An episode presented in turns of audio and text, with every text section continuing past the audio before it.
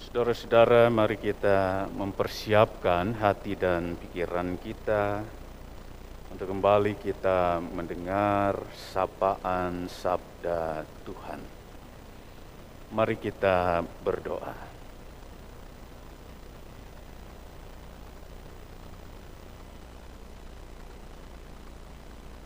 Kembali ya Bapa yang Maha Baik, kami bertelut di hadapan tahta anugerahmu, seraya kami mengucapkan segala puji dan syukur kami atas pemeliharaan, penyertaan, topangan yang Allah terus nyatakan dalam kehidupan setiap kami hari demi hari. Kami bersyukur untuk anugerah kekuatan dan kesehatan. Kami bersyukur untuk waktu yang baik. Kami bersyukur untuk kesempatan di mana Allah boleh memberikan, menganugerahkan waktu untuk kami boleh kembali beribadah, memuji dan memuliakan namamu. Dan sebentar kami akan kembali diingatkan, dicerahkan, dikuatkan, bahkan ditegur oleh kebenaran sabdamu. Kiranya roh kudus yang menolong kami memampukan setiap kami, agar hati dan pikiran kami boleh tertuju, terpusat kepada sabdamu. Hambamu yang akan menyampaikannya kiranya hambamu ditolong oleh roh kudus, sehingga hambamu yang lemah ini boleh dimampukan untuk menyampaikan pesan kebenaran sabda Allah seturut dengan kehendak Tuhan. Sehingga Allah lah yang berbicara melalui bibir mulut hambamu ini. Bersabdalah kepada kami ya Allah karena kami anak-anakmu saat ini telah siap dan sedia untuk mendengarkannya. Amin. Bacaan Alkitab terambil dari kitab Ayub 38. Ayub 38 ayat pertama sampai dengan ayat yang ke-11.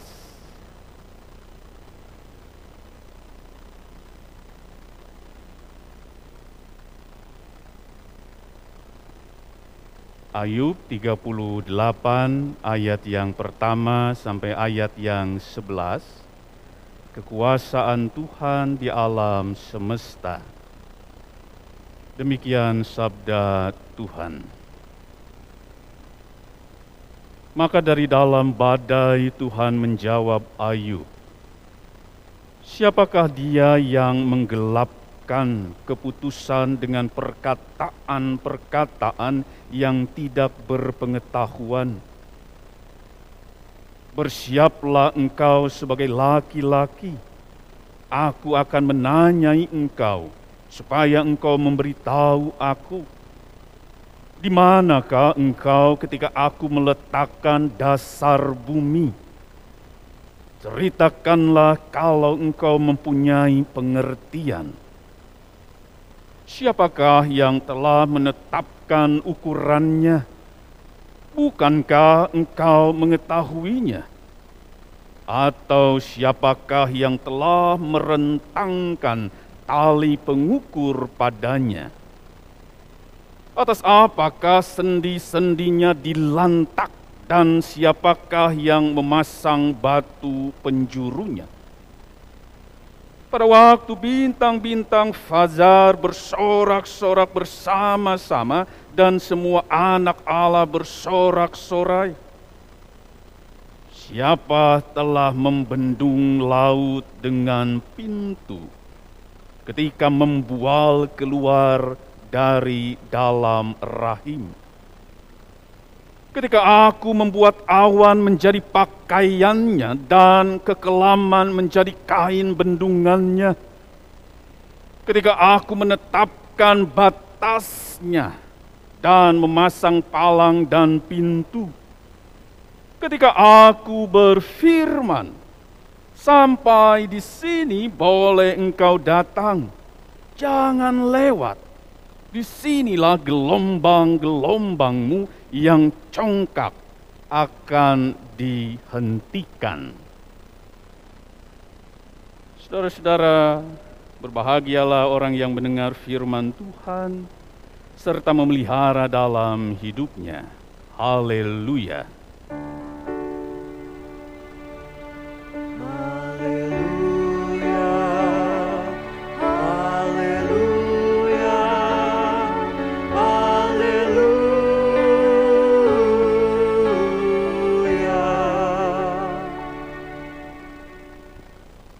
Bapak Ibu, saudara-saudara yang dikasihi oleh Tuhan Yesus Kristus, ada banyak hal di dunia ini yang tidak bisa kita mengerti, pahami dengan baik. Ada banyak hal yang kita tidak bisa. Ada banyak hal yang kita tidak mampu, kita tidak dapat memahami, mencernanya dengan lengkap, dengan utuh. Apalagi ketika banyak dari antara kita mengalami yang namanya katurug katutuh. Mengalami penderitaan yang datang silih berganti, bertubi-tubi persoalan, satu belum selesai, muncul lagi persoalan yang lain. Dan ketika orang mengalami pergumulan sehebat itu, seberat itu, maka tidak jarang orang kemudian menjadi stres, tidak mampu bertahan atau bahkan mungkin menyalahkan situasi, menyalahkan orang lain, bahkan sering kali menyalahkan Allah dan mempertanyakan di mana Allah. Apalagi ketika orang yang mengalami berbagai pergumulan yang hebat dan berat itu merasa bahwa oh aku sudah berjalan di dalam jalan Tuhan. Aku tidak pernah melanggar hukum Tuhan. Tetapi yang aku alami sesuatu yang tidak baik. Bapak, Ibu, saudara-saudara yang dikasihi oleh Tuhan Yesus Kristus, kalau kita membaca kitab Ayub, bahan bacaan kita dari pasal 38, tetapi kalau kita kembali melihat ke pasal 1, ayat 1, maka ada penegasan seperti ini. Ada seorang laki-laki di tanah Uz bernama Ayub. Orang itu saleh dan jujur. Ia takut akan Allah dan menjauhi kejahatan. Saudara-saudara, bukan hanya kita yang kerap kali merasa tidak mampu mengerti tentang berbagai hal yang terjadi dalam hidup kita, tetapi Ayub pun pernah mengalami hal itu. Ayub yang dikatakan oleh Alkitab sebagai orang yang saleh, orang yang benar, dia seorang yang taat, dia seorang yang melakukan hukum Allah, perintah Allah dengan baik, dengan benar. Ia seorang yang sangat mengasihi hormat gentar kepada Allah. Seorang imam di tengah-tengah keluarganya. Seorang yang selalu berdoa yang tidak pernah lupa mempersembahkan korban pada Allah. Tetapi saudara-saudara kemudian sesuatu terjadi, ada perubahan yang dahsyat, ada perubahan yang besar, ada perubahan yang drastis yang terjadi dalam sejarah kehidupan Ayub.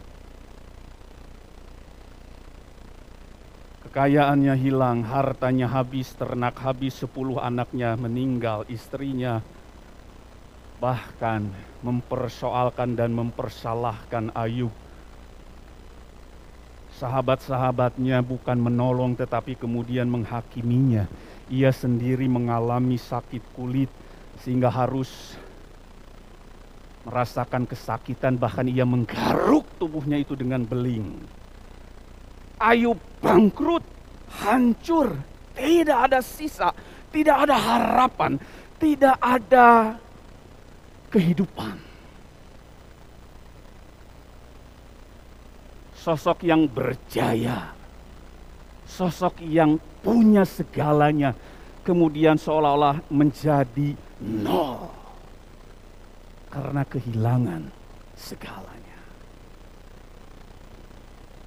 Tetapi yang menarik Bapak Ibu Saudara-saudara, apakah kemudian Ayub berbuat dosa? Alkitab katakan tidak. Apakah kemudian Ayub menghujat Allah? Tidak. Apakah kemudian Ayub mempersalahkan Tuhan atas apa yang ia alami? Tidak. Apakah Ayub kemudian meninggalkan Tuhan dalam penderitaan yang hebat dan berat itu? Tidak.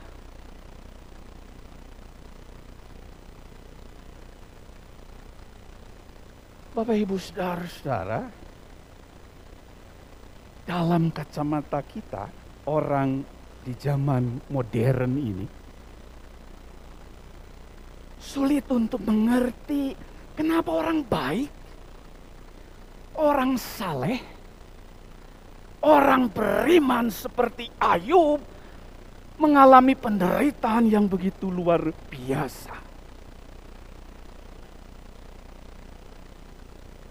Dan ini juga menjadi pertanyaan Ayub. Ayub tidak tahu. Dan dalam ketidaktahuan Ayub, dalam ketidakmengertian Ayub, para temannya, sahabatnya datang bukan untuk membantu. Tetapi kemudian mereka menghakimi engkau kehilangan segalanya karena dosamu, karena kesalahanmu. Dan Ayub berani menjawab teman-temannya. Tidak.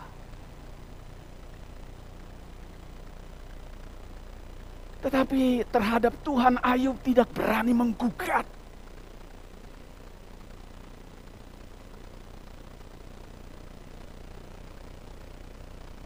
Karena itu Bapak Ibu Saudara-saudara kemudian Allah menjawab dalam pasal 38 ini. Yang justru jawaban Allah atas pertanyaan-pertanyaan Ayub itu dijawab dengan pertanyaan oleh Allah.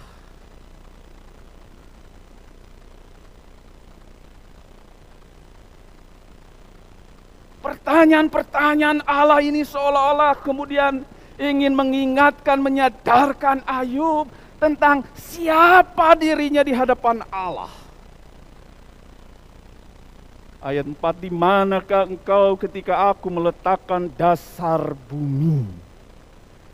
Ceritakanlah kalau engkau mempunyai pengertian.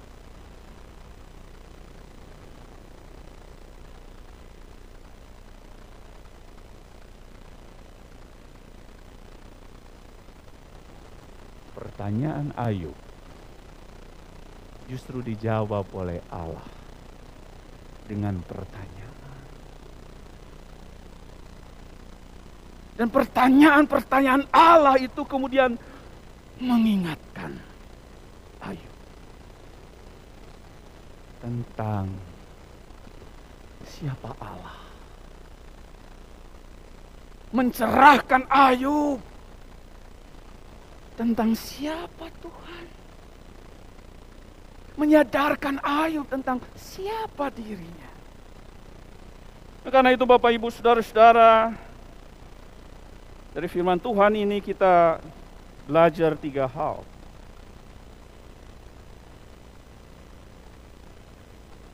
Ayub berserah pada Allah. Dan ketika Ayub berserah pada Allah, maka di sanalah Ayub menemukan Allah. Di tengah kesulitan yang hebat, Ayub bisa pasrah luar biasa dan di sana Ayub berjumpa dengan Tuhan.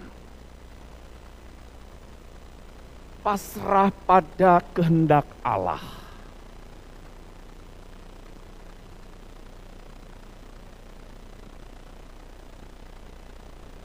Ayub mengerti bahwa hidup ini tidak pasti Tetapi Ayub juga punya keyakinan Allah pasti memeliharanya. Allah pasti menyertainya ketika ia berserah dan berpengharapan pada Allah dalam situasi kehidupan penderitaan yang membuat Ayub juga tidak mampu mengerti kenapa itu terjadi. Ayub meyakini Allah pasti hadir dalam setiap ujian kehidupan. Dalam setiap ujian ada solusi, dalam setiap cobaan ada jawaban. Nah persoalannya Bapak Ibu Saudara-saudara kita di zaman sekarang selalu mau yang pasti-pasti saja. Padahal kita tidak mampu.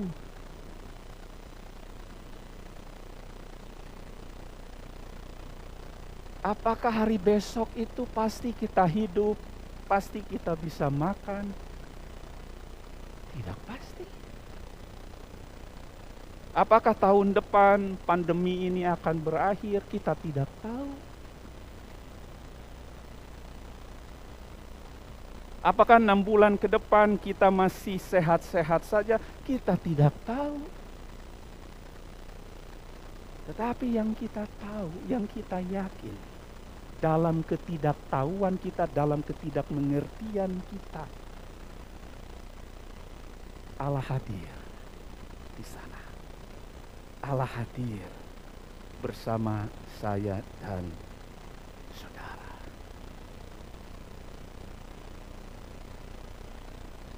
Berserah kepada Allah berarti kita menyadari betul bahwa bukan kehendakku yang jadi ya Allah, tapi kehendakmu yang harus jadi.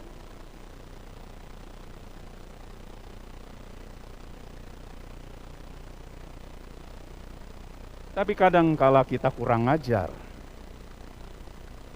Kita berpikir, oh Tuhan baik kalau Tuhan nurut apa mau saya, apa keinginan saya, kalau Tuhan menjawab doa saya itu Tuhan baik.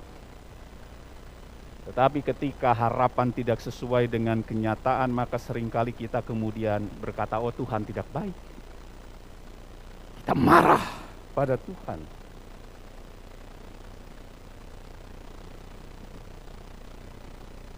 Padahal kita sering kali dan dalam doa Bapak kami kan jadilah kehendakmu.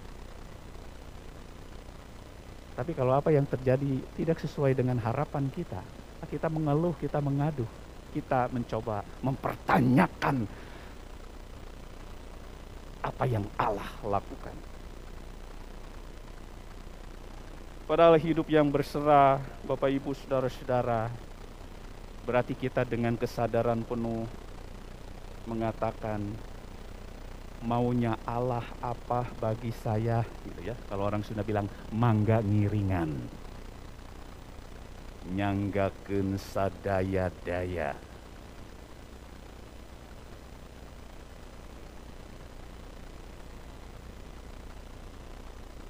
Dan apa sih yang menjadi maunya Allah? Tentu adalah hal yang baik agar kita jadi saksi untuk melayani, untuk memberitakan Injil, mengabarkan kerajaan Allah.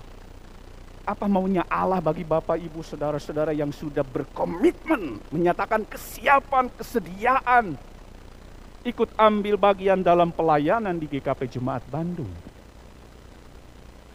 Tentu maunya Allah bahwa Bapak Ibu setia, berserah, dan menyerahkan segala sesuatunya kepada Allah sang pemilik pelayanan itu. Yang kedua, Bapak Ibu, saudara-saudara kita diingatkan mun hayang perah kudu daek perih. Kalau mau berhasil harus berjuang dulu. Tidak ada hasil tanpa usaha, tidak ada sukses tanpa kerja keras, tidak ada pencapaian tanpa upaya. Pelayanan yang berhasil tentu perlu perjuangan, usaha, karya, upaya, kerja keras, konsistensi, dan komitmen.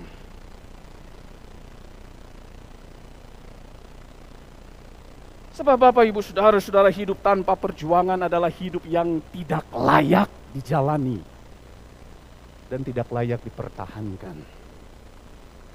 Dan hidup yang tanpa pergumulan adalah hidup yang tak punya nilai. Kosong, hampa, kering. Tidak ada tantangan yang memaksa kita, yang mendorong kita untuk terus bertarung, berjuang dalam kehidupan.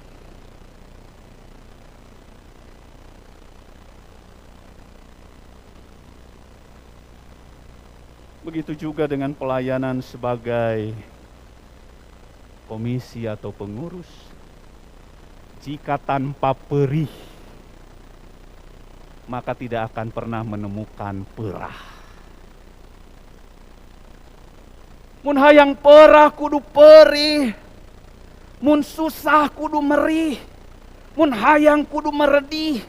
Mun ngalayanan ulah pamrih kesiapan untuk beri. Martin Luther King Jr., seorang dokter teologi, seorang pendeta, dia memunculkan tentang moral pros.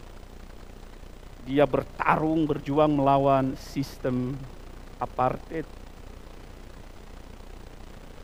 Lalu ia pernah berkata, lempar bom ke rumah kami, bakar harta kami, bunuh anak-anak kami dan kami. Tapi kami akan tetap mencintai kalian. Sebuah perkataan yang benar-benar berani.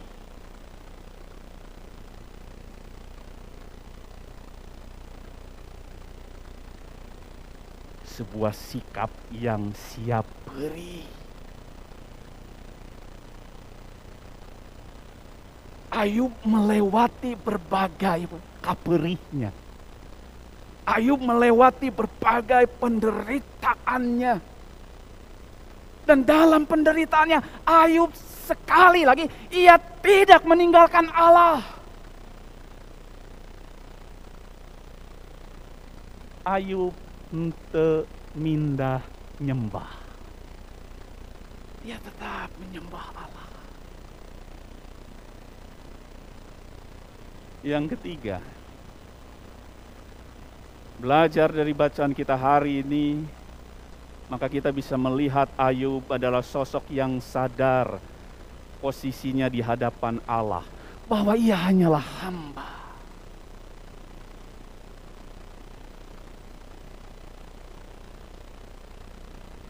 Bahwa ia hanyalah hamba manusia yang hanya dimungkinkan bisa hidup karena anugerah karena rahmat Allah. Tanpa Allah nothing. Dan tanpa Allah kita bukanlah sosok penting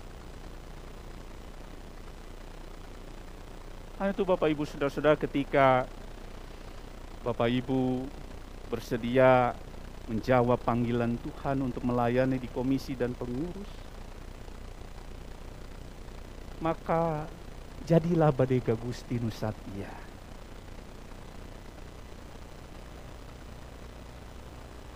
Jauhkanlah dari pikiran bahwa oh kalau saya jadi pelayan Tuhan pasti didengar, pasti dihargai, pasti dicintai. Tidak selalu Bapak Ibu. Dikritik ya, dikomentari sering. Jadi badega itu tidak mudah. Kecuali kalau kita bukan jadi badega tetapi jadi balaga. Balaga itu merasa layak, merasa sombong. Oh iya, saya memang pantas duduk dalam kepengurusan. Itu bukan badega tapi bagaya balaga. Atau mungkin ada orang yang justru bagaya. Sehingga pelayanan dilihat seolah-olah sebagai sebuah jabatan yang akan membuat dia tampak luar biasa, tampak lebih dari orang lain. Tentu bukan itu. Melayani adalah soal memberi diri. Menjadi badega adalah soal bagaimana kita membaktikan hidup pada Gusti Allah.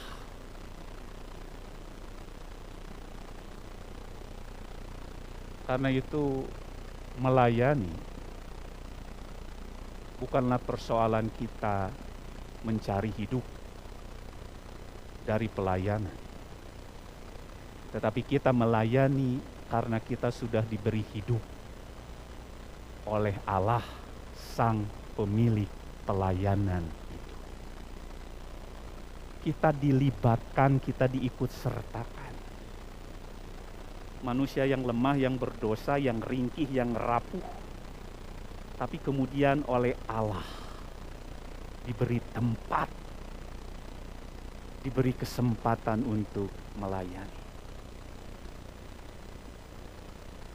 Bukankah itu sebuah penghargaan ketika Bapak, Ibu, saudara-saudara diberi kesempatan untuk melayani? Karena ini bukan pelayanan kita, tapi ini pelayanan milik Allah dan Allah percaya Bapak Ibu bisa melakukannya dengan baik. Dengan benar. Dengan sungguh, dengan siap perih supaya ada perah. Bapak Ibu Saudara-saudara, mari kita menjalani kehidupan pelayanan kita ke depan dengan baik. Mungkin akan ada banyak tantangan, pergumulan, tetapi kita diingatkan oleh Ayub, berserahlah pada kehendak Allah. Dan tetaplah lakukan kebaikan-kebaikan. Jangan berhenti hanya karena persoalan kehidupan. Selamat melayani Bapak Ibu, saudara-saudara. Selamat memberikan yang terbaik bagi Tuhan. Amin.